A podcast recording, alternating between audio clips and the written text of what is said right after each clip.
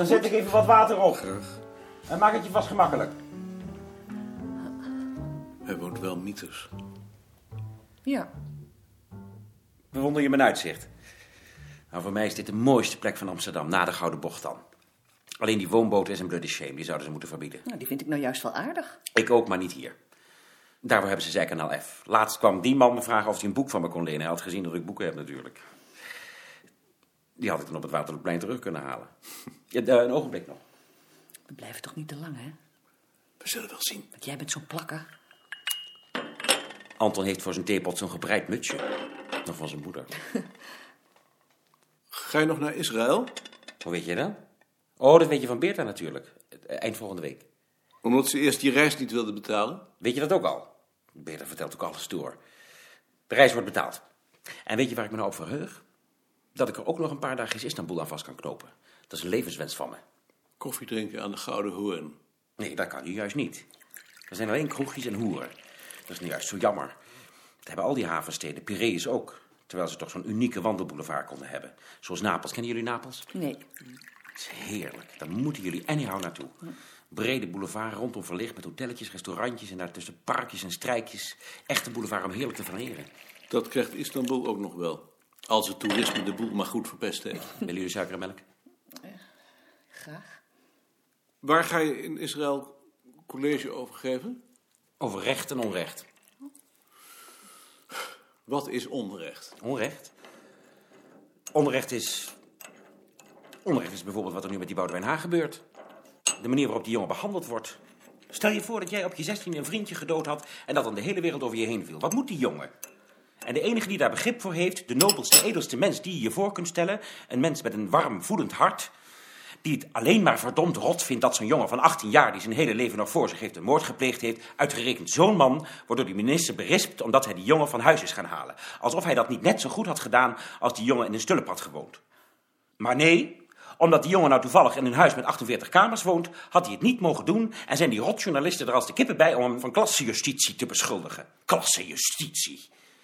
Alsof zo'n man gedacht heeft, wacht even, het is een huis met 48 kamers, daar ga ik eens lekker klassejustitie plegen. Waar halen ze die onzin vandaan? Daar is die man veel te goedhartig voor. Weet je wat ik gedaan heb toen hij berispt was? Ik ben naar hem toegegaan en ik heb hem een warme hand gegeven. Dat lijkt me nou niet zo prettig. Goed. Het lijkt me dat dat toch wel wat genuanceerder ligt. De Bruin, onze conciërge, en Slofstra, onze jongste bediende, zijn ook allebei nobele, edele, goedhartige mensen. Maar toch likken ze naar boven en trappen ze naar beneden. Of dacht je dat de Bruin, als je naar die kamer van een beer gaat, tegen zichzelf zegt, die ga ik eens lekker likken? Nou, Dat gebeurt met een zuiver geweten, zonder enige bijgedachte. Dat is iets anders. Bovendien heeft hij de politie de hele nacht in de regen naar die jongen laten zoeken, terwijl hij zelf bij hem zat. Oh, maar dat vind ik heerlijk. Dat vind ik alleen maar heerlijk. Daar zullen ze heus geen reumatiek van gekregen hebben. Ze hebben alleen voor Piet Snot gestaan. Wat dacht je anders dat die kerels hadden gedaan? Die zouden pas klassejustitie bedreven hebben. Omgekeerde klassejustitie. Als die horen van een huis met 48 kamers, dan gaan ze zich pas lekker voelen. Een lekker schandaal. Dat zullen we eens lekker uitzoeken. Dat is nou juist de pest in Nederland. Dat iedereen moord en brand schreeuwt als iemand uit een beter milieu een misdaad pleegt. Let maar eens op. Als een intellectueel iets gedaan heeft, dan staat dat de volgende dag met zulke letters in de kranten. Let maar eens op. Als jij ooit een moord pleegt, wat God verhoede, dan word je veel zwaarder gestraft dan Jan met de pet. Dat is Nederland. Is dat zo? Natuurlijk is dat zo. Hoe weet je dat dan? Omdat ik daar onderzoek naar heb laten doen. Krijg ik dan meer jaren, of hoe gaat dat? Ach, jij staat je blind op het aantal jaren. Het aantal jaren is niet belangrijk, maar de kranten en het vooronderzoek. Weet je wat ze met die Boudewijn Haan gedaan hebben? Nee. Nou, dat is dan maar goed ook. Want als je het wist, zou je huilen. Hebben ze hem dan geslagen? Ach, geslagen. Er zijn heus wel andere methoden. 37 maal hebben ze die jongen die moord laten reconstrueren. 37 maal. 37 maal naar die plaats. Waar heb je dat gelegd? Antwoorden. Waar heb je dat gelegd? Antwoorden. En dan even eten. En dan weer opnieuw. 37 maal. Terwijl hij al lang bekend had. Ogenblik. Ravelli? Karel, wat, wat, wat is er aan de hand? Maken jullie ruzie? Nee, nee, nee. We zitten gewoon te discussiëren. De buren. Ik denk heus wel om de buren. Kom, er- maar kom er dan bij. Ja, dat is de, wel. Ja, ja oké, tot straks. Dat was Beerta. Die was bang dat we ruzie hadden en dat de buren het zouden horen. Wil u nog een kopje thee? Nee. Heb jij buur? Uh, hierboven, een echtpaar.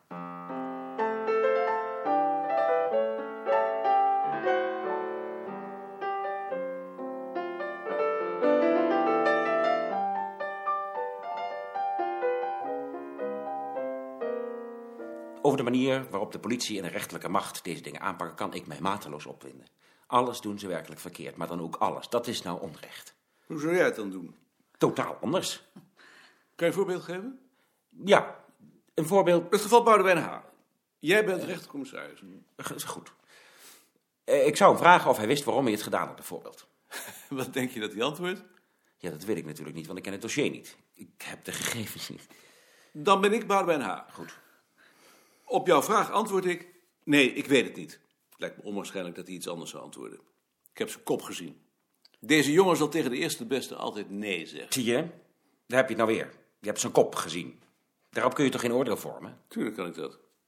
Maar dat doet er ook niet toe.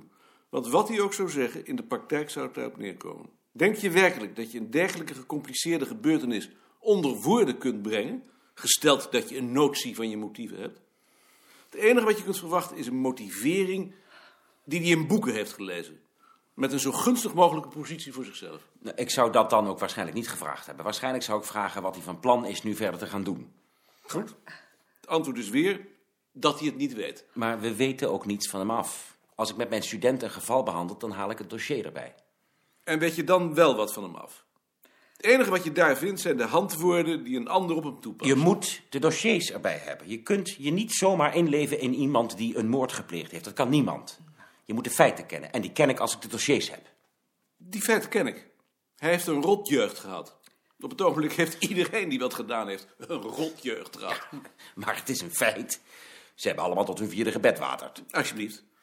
Je leest in de dossiers wat in de mode is en dan gebruik jij dan weer om je studenten te overdonderen. Je gebruikt je dossiers als autoriteit. Nee, nee, nee, nee. Ik geef meteen toe dat die dossiers niet veel waard zijn. Nog veel minder dan jij denkt. Maar je weet tenminste iets. Laten we zeggen 0,1 procent. En zonder dossiers is dat 0,0. Die 0,1% is interpretatie. Je bent van het gedonder af, maar met de werkelijkheid heeft dat niets te maken. Je kunt je godsonmogelijk in iemand inleven. Je kunt jezelf in hem projecteren. En op die projectie baseer je dan weer je oordeel. Maar ik heb nou juist nooit een oordeel. Daar heb je nou weer zoiets. Ik blijf altijd onzeker over iemands waarde. Ik ben geen psychiater. Jij denkt dat ik een psychiater ben. Het enige wat ik kan beoordelen is de situatie. Je hebt deze situatie en je hebt die situatie. En hier heb je een jongen die op zijn zestiende een moord gepleegd heeft. En dat is verschrikkelijk. Doe daar wat aan. Praat erover. Probeer die jongen met zijn schuld te verzoenen. Dat is recht. Maar Maar je kunt die jongen helemaal niet met zijn schuld verzoenen. Die jongen begrijpt het zelf niet. Dacht je dat een jongen van 16 weet wat doodsangst is? Ja, doodsangst. Dat weet hij pas als hij 35 of 55 is. Een moord op je 35ste is iets heel anders dan een moord op je 16e. Hoe ouder je wordt, hoe minder hij ervan zal begrijpen. Hij zal het verdringen, maar begrijpen. Waarom moet die doodsangst er nou weer weggehaald worden? Ik weet niet eens wat het is, doodsangst. Waarom moet ik het dan van zo'n jongen wel begrijpen? Van de week nog. Van de week zag ik op de film de begrafenis van Van Gasteren. En weet je wat ik dacht? Weet je wat ik dacht? Ik dacht, ik wou dat ik daar lag. Geen angst meer voor de atoombom en alle andere ellende die boven ons hoofd hangt.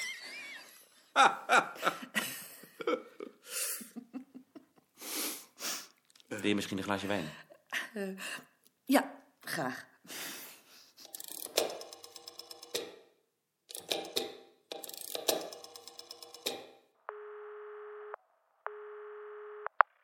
Beerta, Zeg, kom je nog?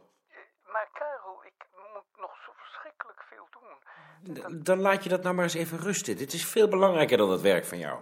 Maar Karel, dat, dat, dit- ik, ik weet ook helemaal niet waar het over gaat, die discussie van jullie. Dat zul je dan wel horen. Tot zo.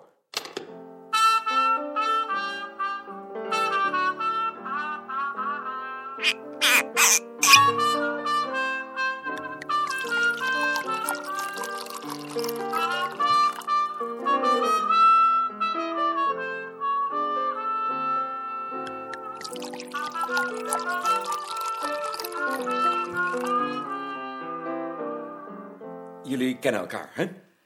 Dag Nicolien. Dag. Dag Maarten.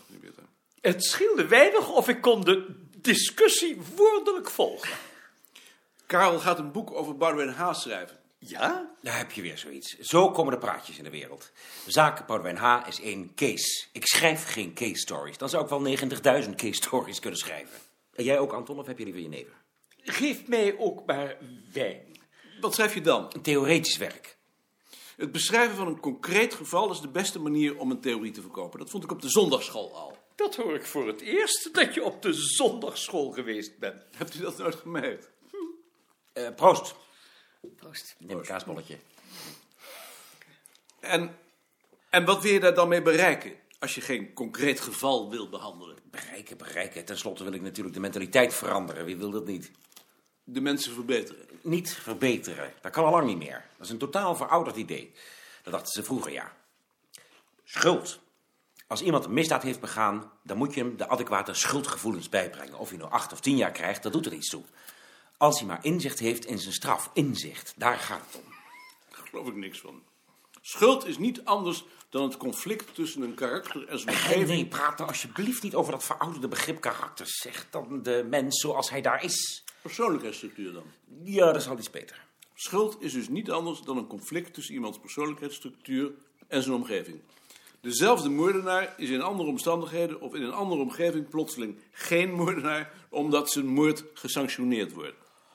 Ligt dus aan de maatschappij. Daar hebben we het weer. De maatschappij heeft overal de schuld van het dogma waarmee het socialisme ons probeert te tyranniseren. Ik zeg niet dat de maatschappij de schuld heeft. Ik wil alleen maar zeggen dat het bijbrengen van adequate schuldgevoelens geestelijke dwang is. Het socialisme, het socialisme is geestelijke dwang. Karel, denk toch om de buren. Ja, omdat jij ook een socialist bent. Dat wil je niet horen natuurlijk. Het individu moet zich aanpassen aan de gemeenschap. Natuurlijk moet het individu zich niet aanpassen aan een gemeenschap. Het individu moet zich helemaal niet aanpassen. Het moet opkomen voor zijn eigenaardigheden. Als je een rotzak bent, blijf je een rotzak. Ook als je zijn schuldgevoelens aanpraat. Hoogstens word je een hypocriete rotzak. Als je iemand schuldgevoelens aanpraat, verricht je quasi-filosofische politiediensten. Schuldgevoelens hoor je niet te hebben. En, en de man die 's ochtends ruzie heeft gehad met zijn vrouw en s'avonds een bloemetje meebrengt, heeft hij dan zo'n geen schuldgevoel. Geen voorbeeld. Nou, een ander voorbeeld dan. Ehm, iemand die hakenkruisen schildert op de synagoge en die tot inzicht wordt gebracht en dan juist heel veel goeds voor de joden gaat doen. Het is net zo goed antisemitisme, alleen niet zo gevaarlijk vanuit de maatschappij gezien. Oh, dan moet jij toch eens een bezoek brengen aan de Van der Hoeven kliniek in Utrecht. Dan kun je zien wat voor resultaten ze daar bereiken. Geef eens een voorbeeld. We, we weten zo gauw niet, maar je zult verrast zijn. In Rusland bereiken ze ook bijzondere resultaten met hersenspoelingen. En in Amerika met het doorsnijden van de hypofyse. Maar wat schiet je ermee op? Gaat er mij juist om dat je iemand geen schuldgevoelens kunt bijbrengen zonder zijn persoonlijkheid geweld aan te Dat doen. ben ik volstrekt niet met je eens. Wie voor de Joden is, is geen antisemiet. Maar geef dan argumenten. Natuurlijk is dat antisemit. Wacht maar op mijn boek. Wil je nog wijn? Zo iemand noem ik een filosemiet. Wanneer komt dat? Dat is hetzelfde. Gauw. Ik moet het nu schrijven, want over twintig jaar is het verouderd. Waarom? Omdat ik het schrijf met de termen van nu en die zijn over twintig jaar verouderd. Dan zou ik het bij niet schrijven. En als dat nu mijn middel is om me uit te drukken, ga tot de wereld en verkondig het evangelie, staat er in de Bijbel.